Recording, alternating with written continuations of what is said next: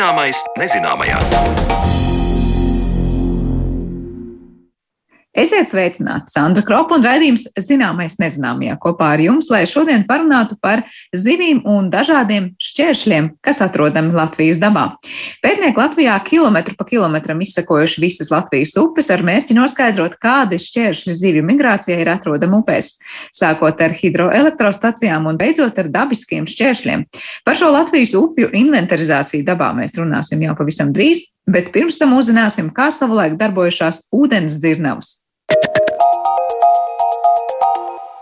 Pirmās ūdensdzirnavas Latvijas teritorijā uzbūvēja cisterciešu mūki teritorijā, kas nosaukumu ieguva pateicoties šai būvē. Tas ir Rīgas pilsētas ziemeļdaļā, Milgrāvī, jeb latviskot sakot, dzirnavu grāvī.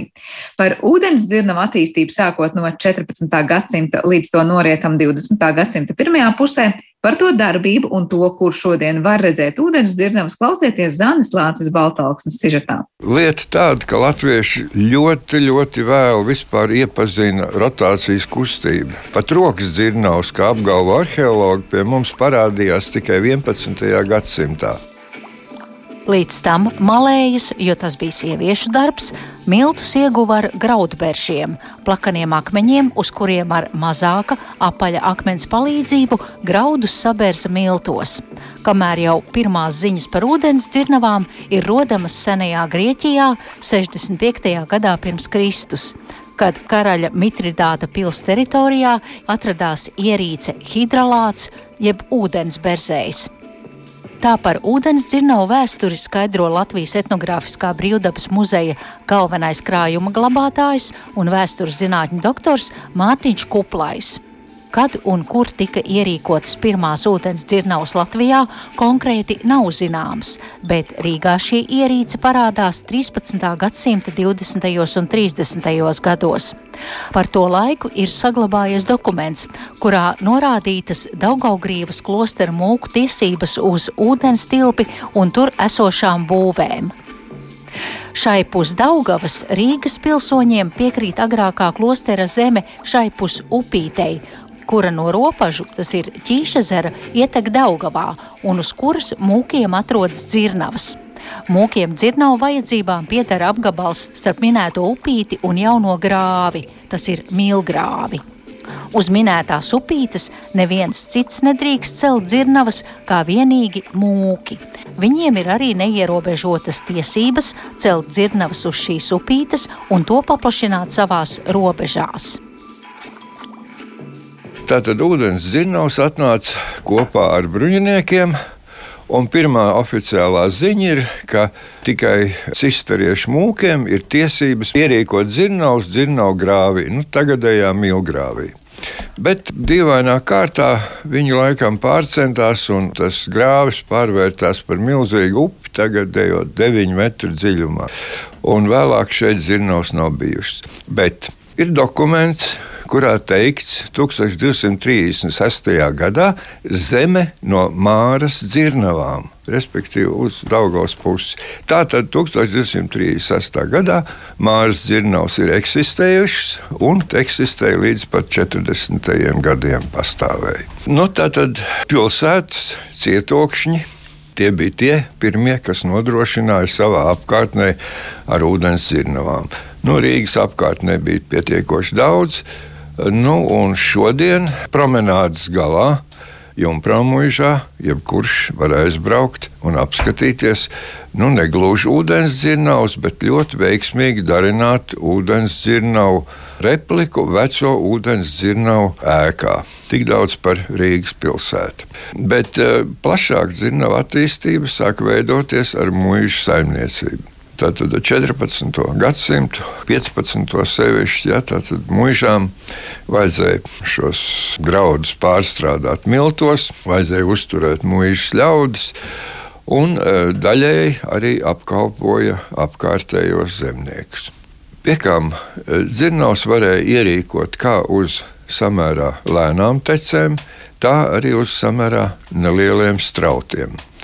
Uz lēnām tecēm senākās dzirnavas bija ar tā saucamo apakšstrāvas ūdensratu, respektīvi ūdensrats bija iegremdēts nu, upes straujtecē ar varbūt nelielu dambi, un viņš pietiekoši efektīvi strādāja. Bet šo dzirnavu ūdens rata liederības koeficients, liederības reizols bija kaut kāda knapi 30%, respektīvi lielākā daļa ūdens aiztecēja pa velti projām. Un ap šo laiku mūža saimniecībās sāk ierīkot zirnavus ar tā saucamo virsstrāvas ūdensratu. Tas ir tas, ko mēs esam pietiekoši dažādos attēlos redzējuši, ar ko mums asociējas, ka ir kaut kāda rene vai, vai tekne, pa kuru nāk ūdens, un viņš krīt uz rata lāpstām. Pie tam tās nav vairs lāpstas, kā bija senākajiem ūdensratiem, bet tādas kā kabatas. Krītot iekšā, tad uh, griež ūdensratu, un šeit lietderības koeficients jau bija pāri pa 45%. Pie kam to ūdeni varēja pievadīt visai dažādos veidos. Varēja uztaisīt dambi, aizsprostot upi, pacelt ūdens līmeni, pielikt šo tekni klāt, un viss tā lieta darbojās. Un, protams, vienmēr bija vajadzīgs tā saucamās brīvslūžas. Tas ir tas tilts, liekais ūdens, zem kura tecēja projām. Tur pacēla koku aizvars, šīs slūžas, un liekais ūdens aizgāja prom. Bet tas, kas bija novadīts uz ūdensrati, ja, tas viņu darbināja. Bet te ir tāda interesanta lieta, ka Latvijas apstākļos nevienmēr varēja uztaisīt pietiekoši augstus dambus. Nu, tad ķērās pie tādas ļoti interesantas viltības, kā, kā derivācijas kanāls. Tā tad upe tek ar līkumiem, krīt lēnām uz leju, bet kaut kur šai vienā no līkumiem sāk rakt taisnu grāvi. Straume krīt, tad ūdens līmenis krīt, krīt, krīt. Un šī grāva galā ir ūdens dzirnavs, un viņas ļoti labi var darbināt. Līdz ar to pašā upē vajadzēja no tādu pārgāzes dambi, lai tikai novadītu to ūdeni uz kanālu. Un kanāls jau bija tas, kur tas ūdens uzkrājās. Tur pa starpām varēja būt dīķi un, un varēja tam dzirnavām pietikt ūdens. Šāds piemērs līdz šai dienai ļoti labi ir saskatāms. Robežos eh, dzirnavs stāv paralēli Un es tā kā mums liktos perpendikulāri upē, ja, bet paralēli upē, kādas metras no upes, un viņā pienāk apmēram puskilometru gari derivācijas kanāli. Vai tie kanāli šodien darbojas, nezinu, bet starpā ir divi dīķi. Un tad no tiem pēdējo kanālu nonāk šais ūdens dzirnavās. Tas tāds ļoti labs uzskatāms piemērs ir. Ūdens dzirnavās mala graudus, un to enerģiju izmantoja arī vilnas fabrika un zāģētavu darbībai. Un hercoga jēkaba valdīšanas laikā dzirnavās tika malts arī šaujam pulveris. Turpinājumā kopā ar vēsturnieku Mārtiņu Kuplo skatām ūdens dzirnavu attīstību 19. un 20. gadsimtā.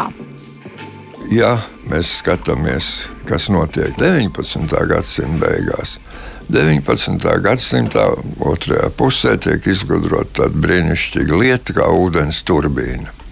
Un ūdens turbīna būtībā bija priekšūdens izmantošanas revolucionāra lieta. Tur lietderības koeficients esot apmēram 95%. Redzēt, dzirnakmeņu lai cik viņi nebūtu kvalitatīvi, dzirnakmeņi visām tām iepriekšējām paudzēm ārkārtīgi bojāja zobus. Jo visa tā maize, kas bija galvenais iztiks avots, tā tomēr bija ar zināmu pieaugumu. Un tad 19. gadsimtā tika atrasts, ka graudus vajag nevis sabērst, bet saspiest.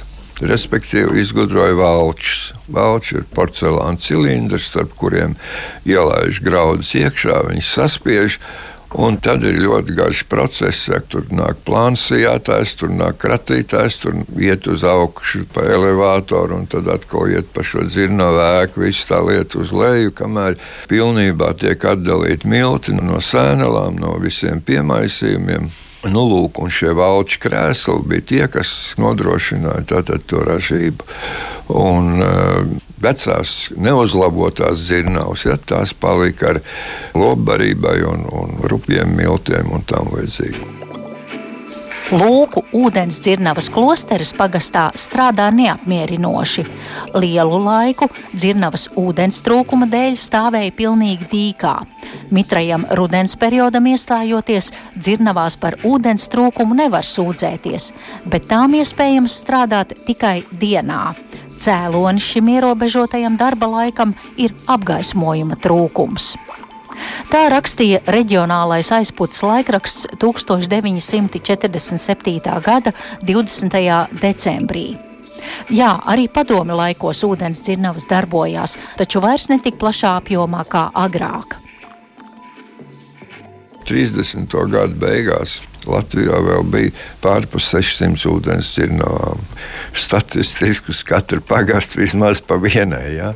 Bet, nu, viņas bija koncentrētas atsevišķās vietās vairāk. Un vēl simts no tām darbojās ar šiem vecajiem ūdensratiem. Ja, tā kā tā tehnikas un, un, un viss tā evolūcija vai vecā iziešana no pielietojuma, ja tā notika 30. gadu laikā, bet ļoti, ļoti, ļoti lēnām. Jo redziet, pēc agrārās reformas lielāko daļu dzirnavu ieguva īpašumā.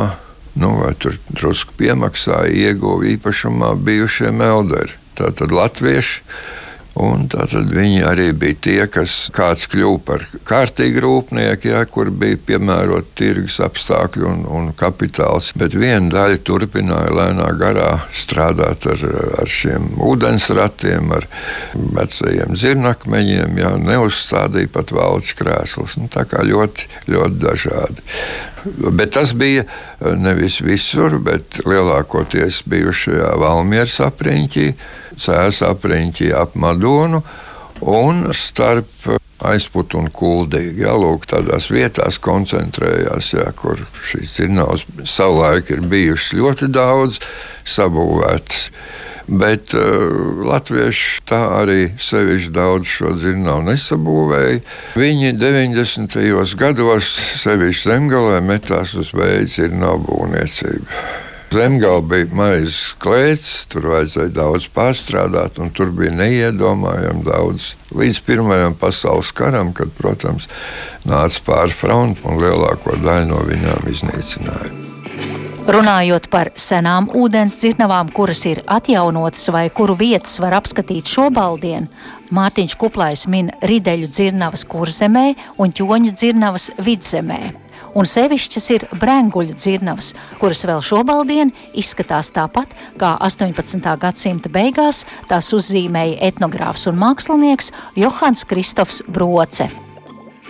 Brēnguļu dzirnavs uz abula, tur ir skaists dīķis, abuls aizprostots, Tils iet pāri šīm brīvslūžām, un lejā ir dzirnava ēka.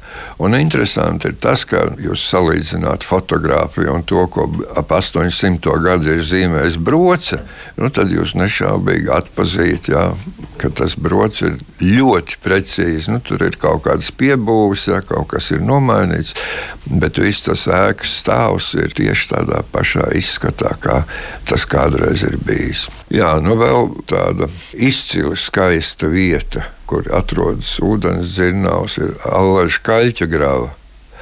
Allaža kaļķa gravā pati dzirnava ēka ir celta no dolomītiem, tāda šūnakmens vietējā, un tur arī rats ir bijis ārpusē nojumē, un ūdens tur satek no avotiem, septiņiem avotiem, un dzirnavu dīķī viņš ir, nu, tā kā kristāli dzidrs un skaists ļoti iesaku uz turieni aizbraukt, apskatīties. Kaut gan no dzirnavām, protams, tur kā tādām, ja tur nekā vairs nav. Par ūdens dzirnavu vēsturi Latvijā stāstīja etnogrāfiskā brīvdabas muzeja galvenais krājuma glabātājs, vēstures zinātņu doktors Mārtiņš Kuplējs, un ar viņu sazinājās mana kolēģe Zane Lāce Baltalksne. Bet raidījuma turpinājumā parunāsim par citiem šķēršļiem Latvijas upēs.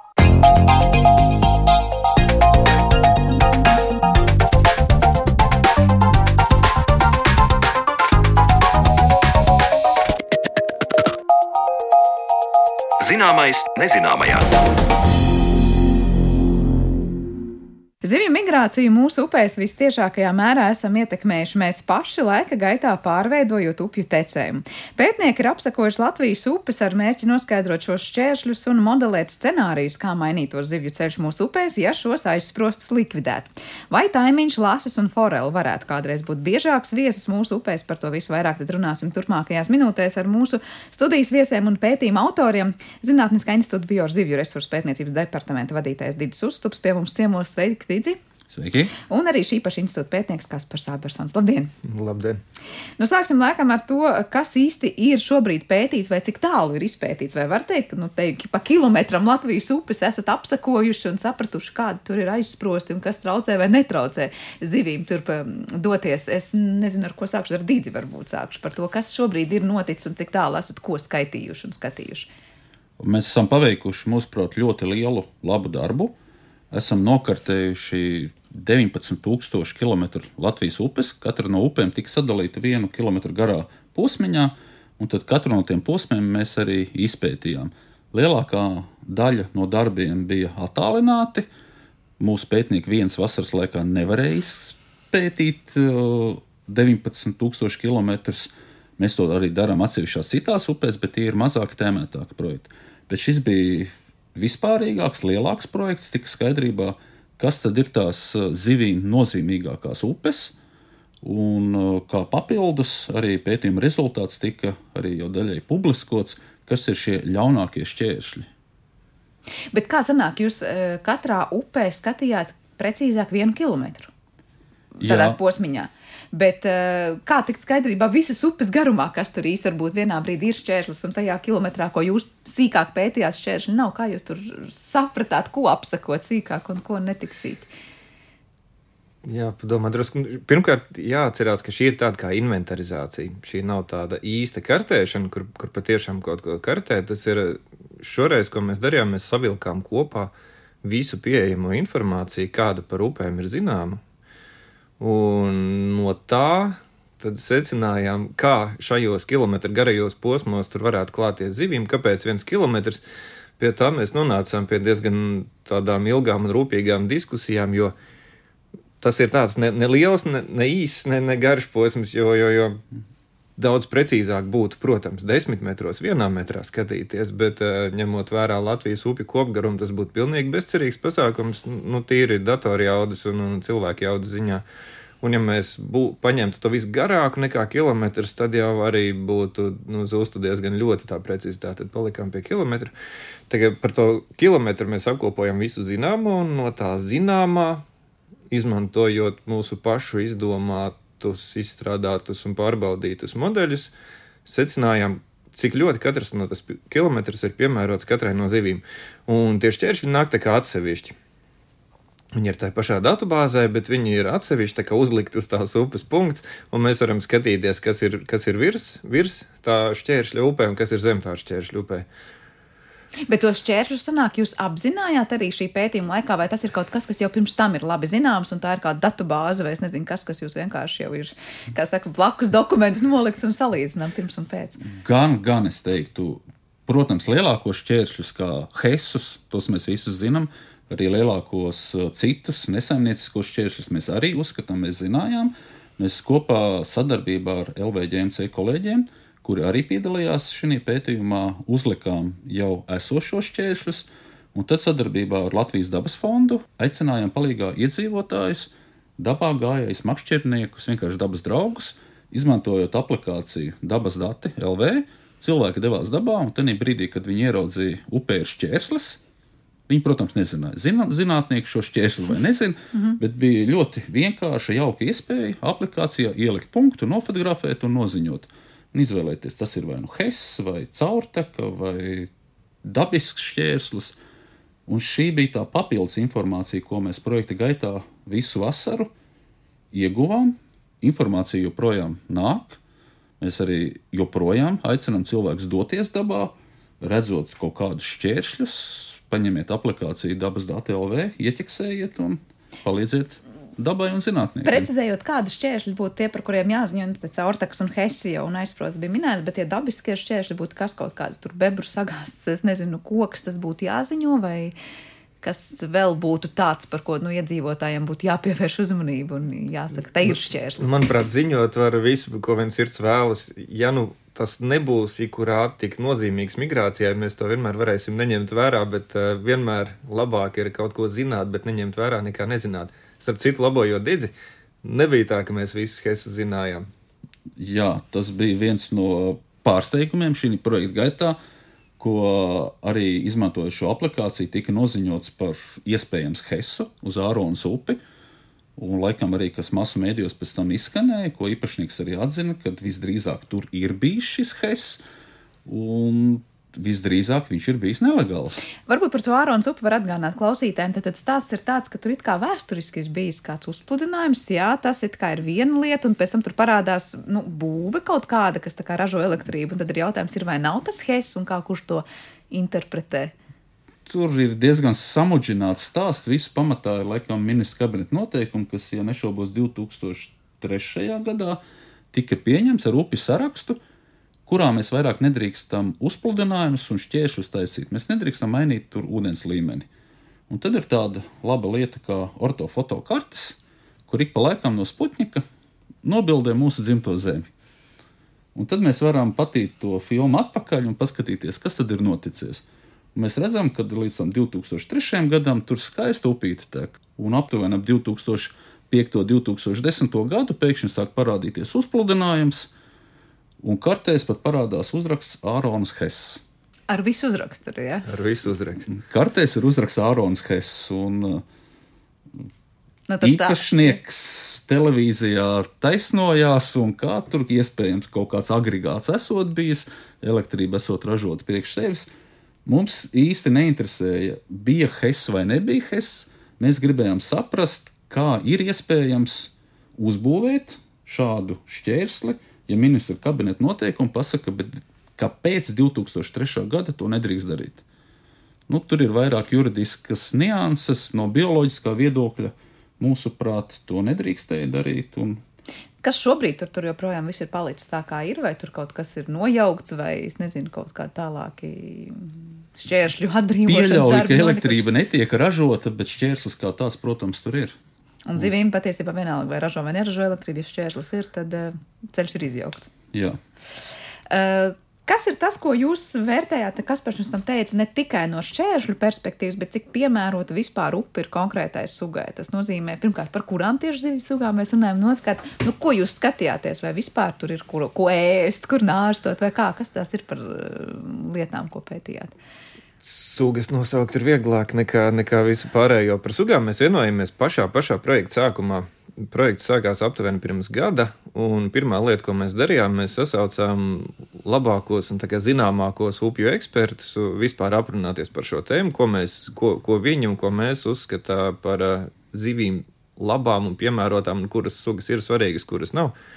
Jo nu, tur tiešām ir jautājums par māti un, un, un, un meitu un kleitu, jo lasis, kas ir aizsargājama suga, dzīvos skaistā strautecē, un pīkst, kas savukārt arī ir tikpat aizsargājama suga, nevēlami tai strautecē nedzīvos, un, un uz ko tad mēs skatāmies?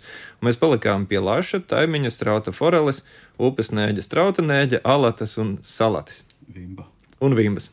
Kāpēc šīs sugas? Tās ir vai nu ceļotāju zivis, Eh, vai no aizsargājamas sugas. Eh, viena daļa ir gan aizsargājamas, gan ceļotāju zivis, un tādas zivis, kurām patīk eh, strauji tekoši ūdeņi. Nu, tas, kas Latvijā trūkst. Var teikt, ka šīs ir sugas, kuras, nu, ja tur ir un ja tām tur ir labi, tad arī var teikt, nu, citām tur tajā dzīvotnē būtu labi, vai tā gluži nav?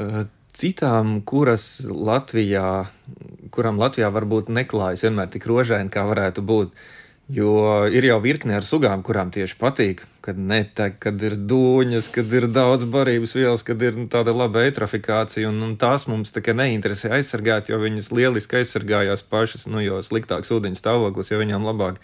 Un tad izlēmām uz tām neskatīties. Jā. Un kā mēs to izdarījām? Mīļi un žēl. Nu, var teikt, nu, ko jūs skatījāties, tad kaut vai apsakojot, labi, kaut ko, ko attālināt, jūs zinājāt, mm -hmm. tur, nezinu, ir labs stāvoklis, nav labs stāvoklis, upē priekš šīs sugas, bet uh, uz vietas, ko jūs skatījāties? Uz vietas mēs neskatījāmies neko. Ah. Šis bija pilnībā attālināts projekts. Tie, tieši šī projekta ietvaros mēs neskatījāmies neko. Mēs skatījāmies to, ko Latvijas vidus geoloģijas un meteoroloģijas centrs bija ievācis no līdz šim zināmajiem datiem un salicis kopā milzīgajā datubāzē. Gala beigās katras sugas piemērotība, ko es nosaucu, nonācām pie tā, ka viņi ir jānovērtē uz, balstoties uz četriem parametriem. Tas ir saticis basēns, kritums, platums un noēnojums. Tā, tas tā kā pamat, pamat lietas pārbaudījām. Mums milzīgs paldies jāsaka mūsu datu analītiķim, Andrim Avotiņam, junioram. Viņš tiešām izēdās cauri Putras kalnam. Bet mēs uztaisījām šos modeļus, pārbaudījām un izrādījās, tika pierādīts, ka viņi darbojās ka viņiem var uzticēties, un, un, un tas ir tas, kā mēs taisījām to ideālo stāvokli. Ko nozīmē taisījām ideālo stāvokli? Jūs uzmodelējāt, kādai tai upē būtu jābūt priekš konkrētās sugas? Mm, apmēram. Ne, nu, šie ir tādi raksturlielumi, kas principā nemainās. Nu, saticis basēns ir saticis mm -hmm. basēns, kritums ir puslīdz kritums, un, un, un nu, noēnojums ir kaut kādā mērā mainīties. Bet, bet arī ne tik ļoti. Un, un tas bija tās lietas, pie kā mēs pieturējāmies un, un ko uzskatījām par, nu, tas ir tas, kādā tai upē jābūt. Tad mēs sākām likt virsū ietekmes. Šķēršļa ietekme ar dažādu pārvarāmību, dažādām sugām. Uh, Heisa eksploatācija, kas, kas ietekmē upi uz leju, tad ūdens tek, tad ūdens netek. Meliorācija, kad upe ir iztaisnota, lauksaimniecības intensitāte, arī cik nu bija iespējams nu, tādā ziņā. Tad mēs salikām virsū tos, virsū tos ietekmes nosacītās. Arī viss virtuāli un pilnīgi attālināti no ortofoto kartēm un datubāzēm. Un Tad, tad vienā galā mums ir tas ideālais stāvoklis, kur zivju fauna nosaka tikai saticis basēns, kritums un, un tādas diezgan fundamentālas lietas, un, un otrā galā ir kādai tai zivju faunai vajadzētu būt, ja ir salikts virsū visas ietekmes. Un kāds ir tas rezultāts? Jo šobrīd es sadalīšu upes tā kā nu, kategorijās. Te ir vislabāk un te ir vissliktāk. Lai, jā, jā. Vai tas, ka, kurā kas būtu jādara, lai būtu vislabāk? Mēs esam sagrupējuši upes ja nešaubos, četrās lielās grupās. Um, mēs arī tā pirmā grupa ir upju saraksts, kurās ir iespējams veikt vislielākos uzlabojumus.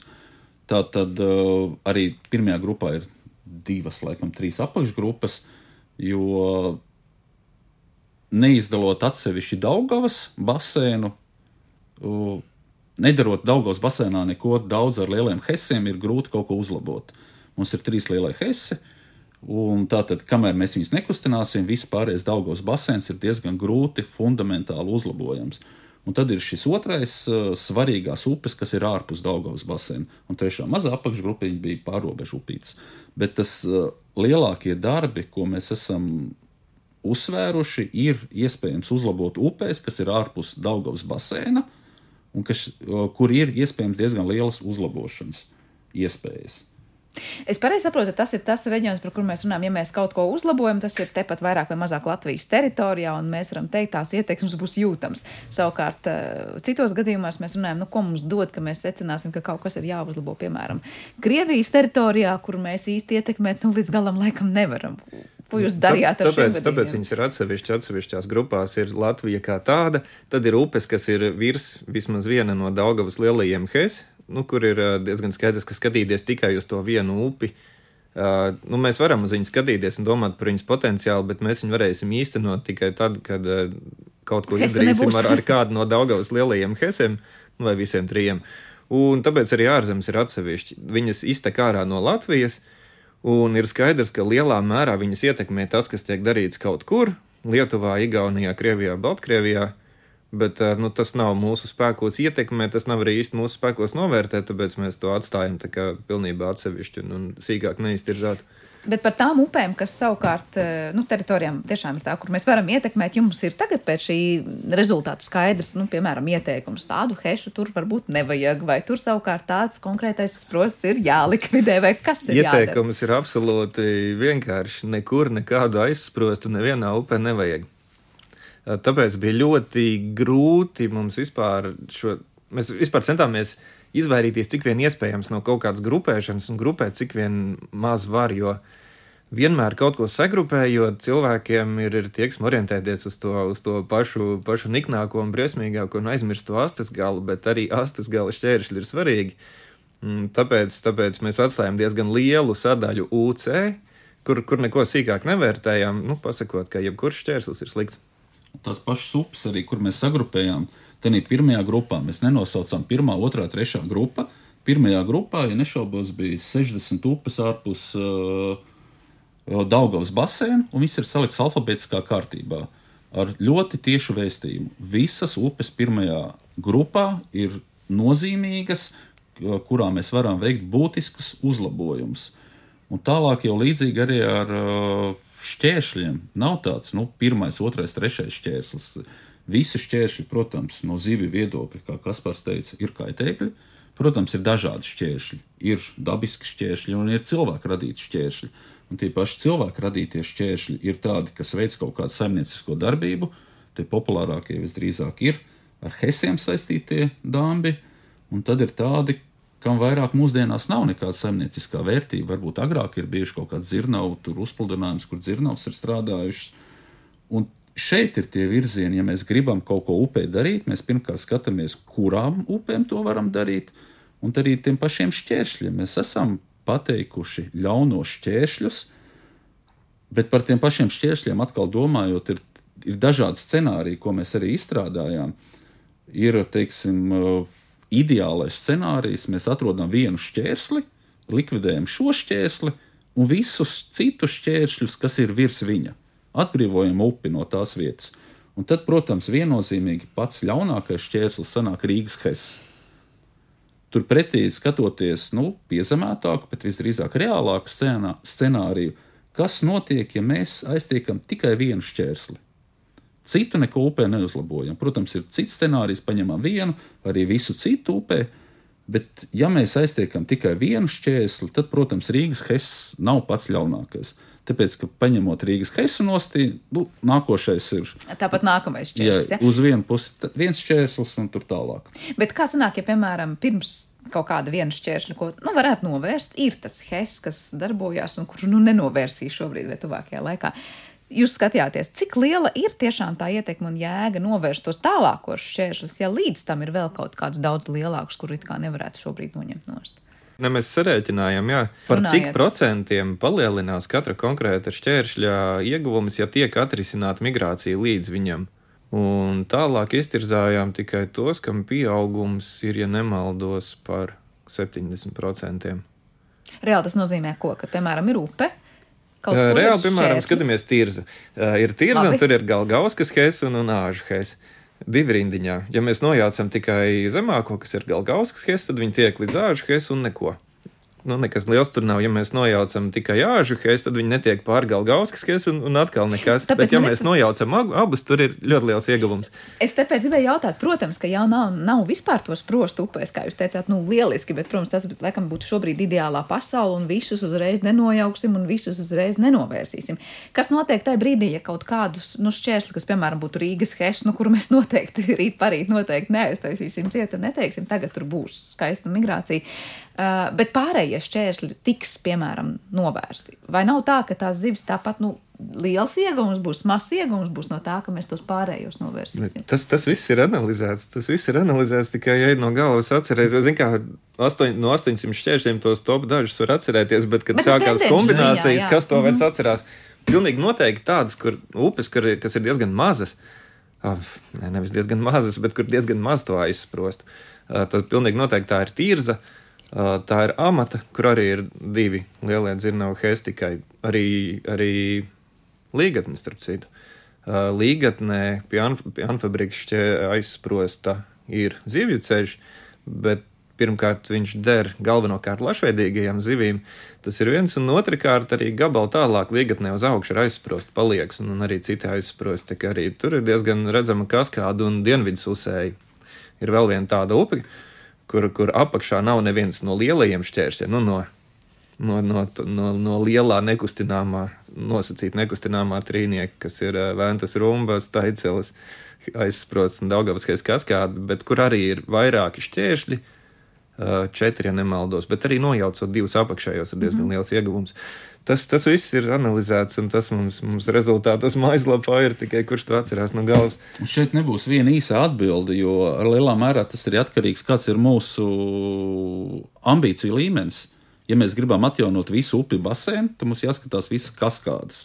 Ja mēs esam viena pašvaldība vai viena nevalstiskā organizācija, un manais upes krastā kaut kādas dāmas, es gribu izdarīt tikai ar vienu dāmu un nedarīt citu neko šai upei. Un tāpēc uh, projekta rezultātos ir doti vairāk šie scenāriji, kas notiksies, ja mēs izkustināsim vai izdarīsim kaut ko labu ar vienu konkrētu šķērsli vai ar dažādām kaskādēm. Mm -hmm. Un, kā jau minēju, ir šis upju saraksts ar upēm, kur ir iespējams veikt visnozīmīgākos uzlabojumus.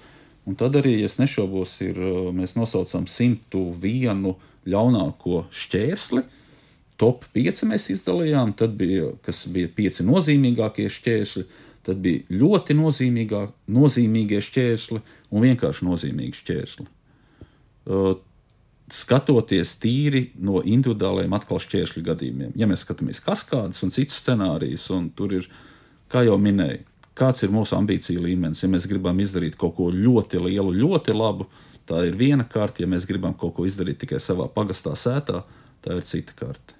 Bet var teikt, tas ir nu, no vienas puses tāds tā kā prioritāro darbu saraksts. Ja mēs gribam vislielāko efektu, tad būs jāskatās, kur ir tie visnozīmīgākie ja, šķēršļi un kas būtu jānovērš. Jautājums, vai to izdotos izdarīt, zinot, ka tur būs droši vien ļoti daudz un dažādas intereses pretī, ja, kas to nepieņems. Intereses būs lielas un dažādas, bet arī, ja mēs skatāmies Eiropas uh, mērogā, tad Eiropas komisija ir definējusi, ka viņa vēlētos tuvāko gadu laikā atbrīvot, ja nešaubos, 25,000 km upes no šķēršļiem ja mēs skatāmies, ka mums ir 19,000 km, nu pat atbrīvot visas, visas Latvijas upes, mēs nesas, nepalīdzēsim vienai Eiropai. Un uh, šis atbrīvošanās virziens, vai kā mēs viņu varētu nosaukt, notiek aktīvi jau dažās citās arī pat kaimiņu valstīs.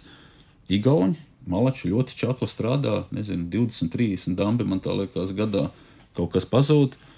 Mēs varam lepoties laikam pēdējos cik gados ar vienu labu piemēru uz Rīvas upes, kur mums bija saimnieciski nevienam nevajadzīgs dambis, bet ir kā kultūra vēsturisks turisma objekts, bija šķērslis projekta ietvaros, kur zemes plānošanas reģions un Ventspils novada pašvaldība atrada iespēju, kā uzbūvēja pirmo dabisko zīvi ceļu Latvijā. Dabiskais ir tas, ka viņš der visām upēm, vienkāršoti mēs apkārt šķērslim izrokam jaunu upīti tiek gan stiprās zivis, gan vājās zivis, gan arī citi bentus un citi. Tas nāk visiem mošķi. labi, ja? gan arī kultūra vēsture paliek, gan arī zivīm. Tā kā ir apvērt ceļš ja, šim konkrētam šķērslim. Tikai kārtības pēc jāpiebilst, ka ir daži arī nojaukšanas gadījumi mums Latvijā bijuši. Tas ir Latvijas dabas fonds Noriņas upē nojauts aizsprost un baumo, ka vēl laikam trakajos 90. vai drīz kaut kad pēc tam zemesargi ir uzspridzinājuši aizsprostu ķīšupē. Jā, bet tas viss ir ļoti maz. Mēs skatāmies, un tas ir. Nu, Par lēnu, jā. 20, 30 gadu laikā mums ir trīs labi piemēri. Varbūt, nu, padomājot, varbūt tās vēl līgatnē, to zīvi ceļu var nosaukt. Un, nu, Tie piemēri ir mazi. Ja mēs skatāmies, ir Latvijas, Latvijā kopumā mums bilants ir negatīva. Mums ir vairāk uzbūvēts nekā nojaukts.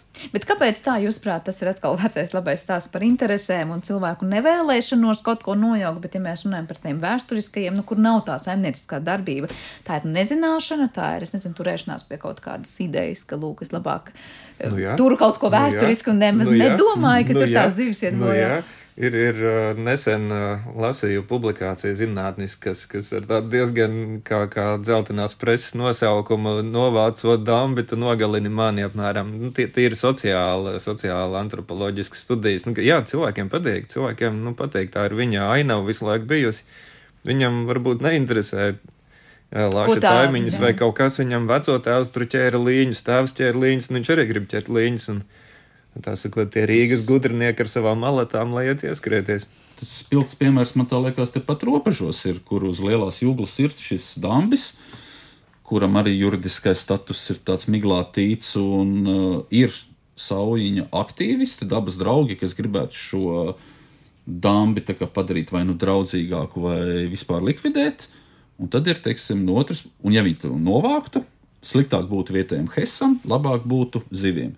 Un tad mēs, ja mēs paprasām vietējiem iedzīvotājiem, kādas ir jūsu domas, viņš saka, nē, mēs gribam dāmbi, mēs gribam peldēties. Jo, ja dāmas nebūs, tur ūdens būs, es nezinu, līdz ceļgaliem laikam, tagad ir normāli peldētavi. Un te nevienmēr dabas draugu makšķernieku intereses sakrīt. Pat arī makšķernieku intereses nesakrīt. Vienam patīk ķert alatus, kaut kādus lašus foreles, kas ir sauļiņi. Otram patīk uzpludinājums, viņš tur ķer kaut kādus plaušus, brekšus un tur nu, raudas. Kā atrast kaut kādu, es nezinu, vidusceļu, lai nu, kaut kā, es nezinu, kurā virzienā tās labās pārmaiņas panāktu. Jo tiešām būs tā, ka vienmēr nu, viens gribēs citas sugas dzīves, un tur vajadzēs pilnīgi cits apstākļus.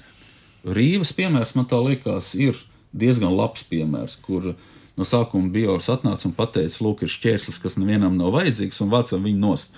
Un izrādījās, ka viņam ir vietējā kultūra vēsturiskā vērtība, ir turisma iecienīts objekts, veidojas ūdenskritums, kur zīves mocās cenšas pārlikt pāri. Un tad mēs atradām šo iespēju, kā uzbūvēt dabisko zivi ceļu, ka nevajag nojaukt šo un beigās plus mīnus abas puses. Bet nav tā, ka uzbūvējot to dabisko zivi ceļu, vienmēr kāds teiks, jā, bet tās ir papildus izmaksas, un tas ir dārgi un sarežģīti un laikietilpīgi. Kas tur ir tas lielākais klupšanas akmens? Protams, nojaukt dambi ir stipri lētāk nekā uzbūvēt zivju jaunu upīti, piedāvājumu, kur ir jārok tunelis, jābūvē zem ceļa.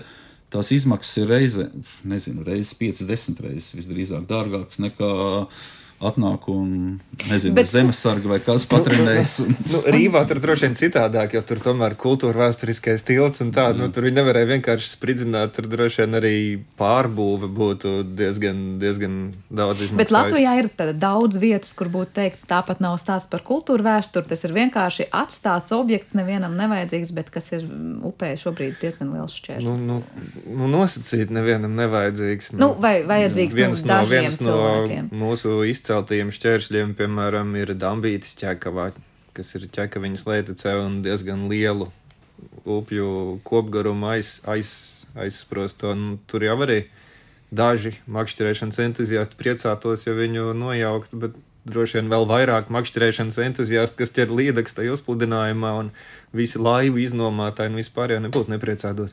Un ķekavs iedzīvotāji nepriecātos, jo atkal viņam pazust viena peldvieta.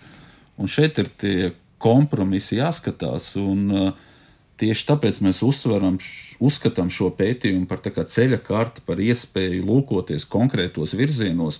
Un tad jau, ja mēs meklējam individuāls risinājums katrai upei, katram šķērslim, šim ir nezinu, jānāk no apakšas. Tās ir vai nu pašvaldības, vai tās ir biedrības, nevalstiskās organizācijas, kas ir gatavas to risināt. Jo pasaulē zinātnieki šķēršļus dāmas nejauc. Zinātnieki dod zinātnisko padomu. Mēs uzskatām, mēs savu darbiņu esam padarījuši, mēs esam gatavi arī viņu turpināt darīt, sniegt konkrētus padomus konkrētos individuālos situācijās, bet šis ir mūsuprāt tas ceļa sākums, kurā vietā rakt Bet šobrīd, skatos, Digimte ir karta priekšā ar pilnu ar Latvijas upēm, ja, vai jā, konkrētiem punktiem norādītiem. Kā sanāk, ka šobrīd mēs varam pēc jūsu pētījuma pateikt, nu, gandrīz vai man interesē konkrēts tur punkts Latvijas konkrētajā vietā, un izmantojot tos modeļus, ko esat radījuši un pārbaudījuši, mēs varam paskatīties, kas notiks, ja konkrēto darbību veiksim, neveiksim, veiksim, es nezinu, kilometru uz priekšu, kilometru atpakaļ. Proti, mēs varam tā kā, nu, paspēlēties mazliet ar to situāciju laikā un telpā. Mēs varam, bet labāk nevajag tik, tik cik vajadzēja paspēlēties. Mēs esam paspēlējušies, bet vienmēr jāatcerās, ka tas ir attālināts pētījums ar diezgan nu, tādu raupju izšķirtspēju. Mēs skatījāmies kilometru un pie kam viņu neapmeklējot. Un arī, ja būtu apmeklējuši, tur, tur vidējais, kilometra vidējais rādītājs var, var būt vis visādīgs. Viņš dod vispārīgi priekšstatu. Upes mērogā, tātad lielos mērogos mēs, mēs esam, es gribētu ticēt, diezgan precīzi. Bet, ja mēs skatāmies kilometrus priekš, kilometrus atpakaļ, vai kaut kur, kaut kur blakus, un ko tieši tur, drīzāk, ka nē. Un tas ir uzsvērts arī visos nopietnākos pētījumos vai priekšrakstos, kā vajadzētu organizēt upju atjaunošanas, uzlabošanas projekts. Tur vienmēr ir teikts, ka ir nepieciešama detalizēta priekšspēja lai saprastu, tieši, kas tieši ir tie faktori, kas ir jānovērš un kas tieši ir jādara, bet mēs esam pateikuši, kur to priekšspēju darīt. Tā kā tāds nu, mm. sākuma posms un vadlīnijas, kā Dīdis teica, ir eh, Jā. tas, kas ir radīts. Un kā un kur to darīt, to institūts arī dara pēdējos, ja nešaubos, divus, trīs gadus. Mēs esam jau pilnībā nokārtējuši vairākas upes. Mums ir gan lielais eh, Life Goodwater projekts, kur uh, mēs esam pilnībā no A līdz Z nokārtējuši Ant auci, zaņi. Mēs arī sadarbībā ar Zīvi fondu esam nokartējuši lorupi. Un tur šī precizitāte, ja nešaubos, ir 50 metri. Katrs 50 mm. metrus mēs arī piefiksējam, kas upei kaiš, kas upei ir labi, kas upei ir slikti. Un šāda līmeņa precizitātes pētījumos jau mēs varam pateikt, ja jūs izdarīsiet kilometru uz augšu kaut ko tur, uh, upei, kādi būs ieguvumi. Šis vairāk, kā jau teicu, ir ceļa karte. Mēs mm -hmm. redzam, kurās upēs to darīt, un iespējams tie lielie traucēkļi. Konkrēts individuālos risinājums tas jau ir precīzāka darba. Tālākie darbi, jā. jā. Nu, jāsaka, arī šķēršļu ietekme. Katram šķērslim mēs esam katrai sugai novērtējuši sagaidāmo uh, konkrēto ietekmi uz konkrēto sugu. Bet ļoti, ļoti, ļoti retos gadījumos mums ir bijusi detalizēta informācija par to šķērsli, un faktiski nekad par faktiskajām zivju migrācijas iespējām tas ir diezgan arī balstīts uz pieņēmumiem par to, cik augstu zivs varētu uzlikt un, un, un to, cik augsts šķērslis ir. Nu, kas mums datu bāzē ir, mums ir, mums ir metri, bet tur jau ir daudz, kas vēl nosvāra, cik dziļš, cik dziļa upe ir zem tā konkrētā šķēršļa. Kāds ir ūdens līmenis? Kāds ir ūdens līmenis, cik bieži tur ir, tur ir daudz ūdens, un, un tas ir. Nu, daudz arī mainīgo faktoru, kas ne, jā, jā, jā, jā tas ir. Mēs esam izdarījuši lielo aptuveno inventarizāciju, bet uh, nu, detalizēti ir jāskatās. Detalizēti. Jā, paldies jums par šo sarunu un par šo lielo darbu, ko esat paveikuši. Es ceru, ka no tā tālāk sekos tiešām arī konkrētas rīcības un tie kompromisi tiks atrasti daudzos gadījumos, jo tiešām ja esat identificējuši tos šķēršļus, par kuriem varbūt būtu jādomā jā, primāri vai kuriem tās ietekmes būtu daudz lielākas, tas, protams, ir informācija, kuru vērts likt aiz aus. Paldies par sarunu Zinātniskā institūta biozivi resursu pētniecības departamentu vadītājiem Dīdzim Uztupam un arī šī paša institūta pētniekam Kasparam Abersonam, kas šodien pie mums viesojas šajā studijā. Ar to arī raidījums ir izskanējis, un par to parūpējās producenta Paula Gulbinska. Mūzikas redaktors šai stundai bija Girds Bišs, skaņrežijā bija Kristīna Dela, un ar jums kopā es Sandra Kropa. Uz tikšanos!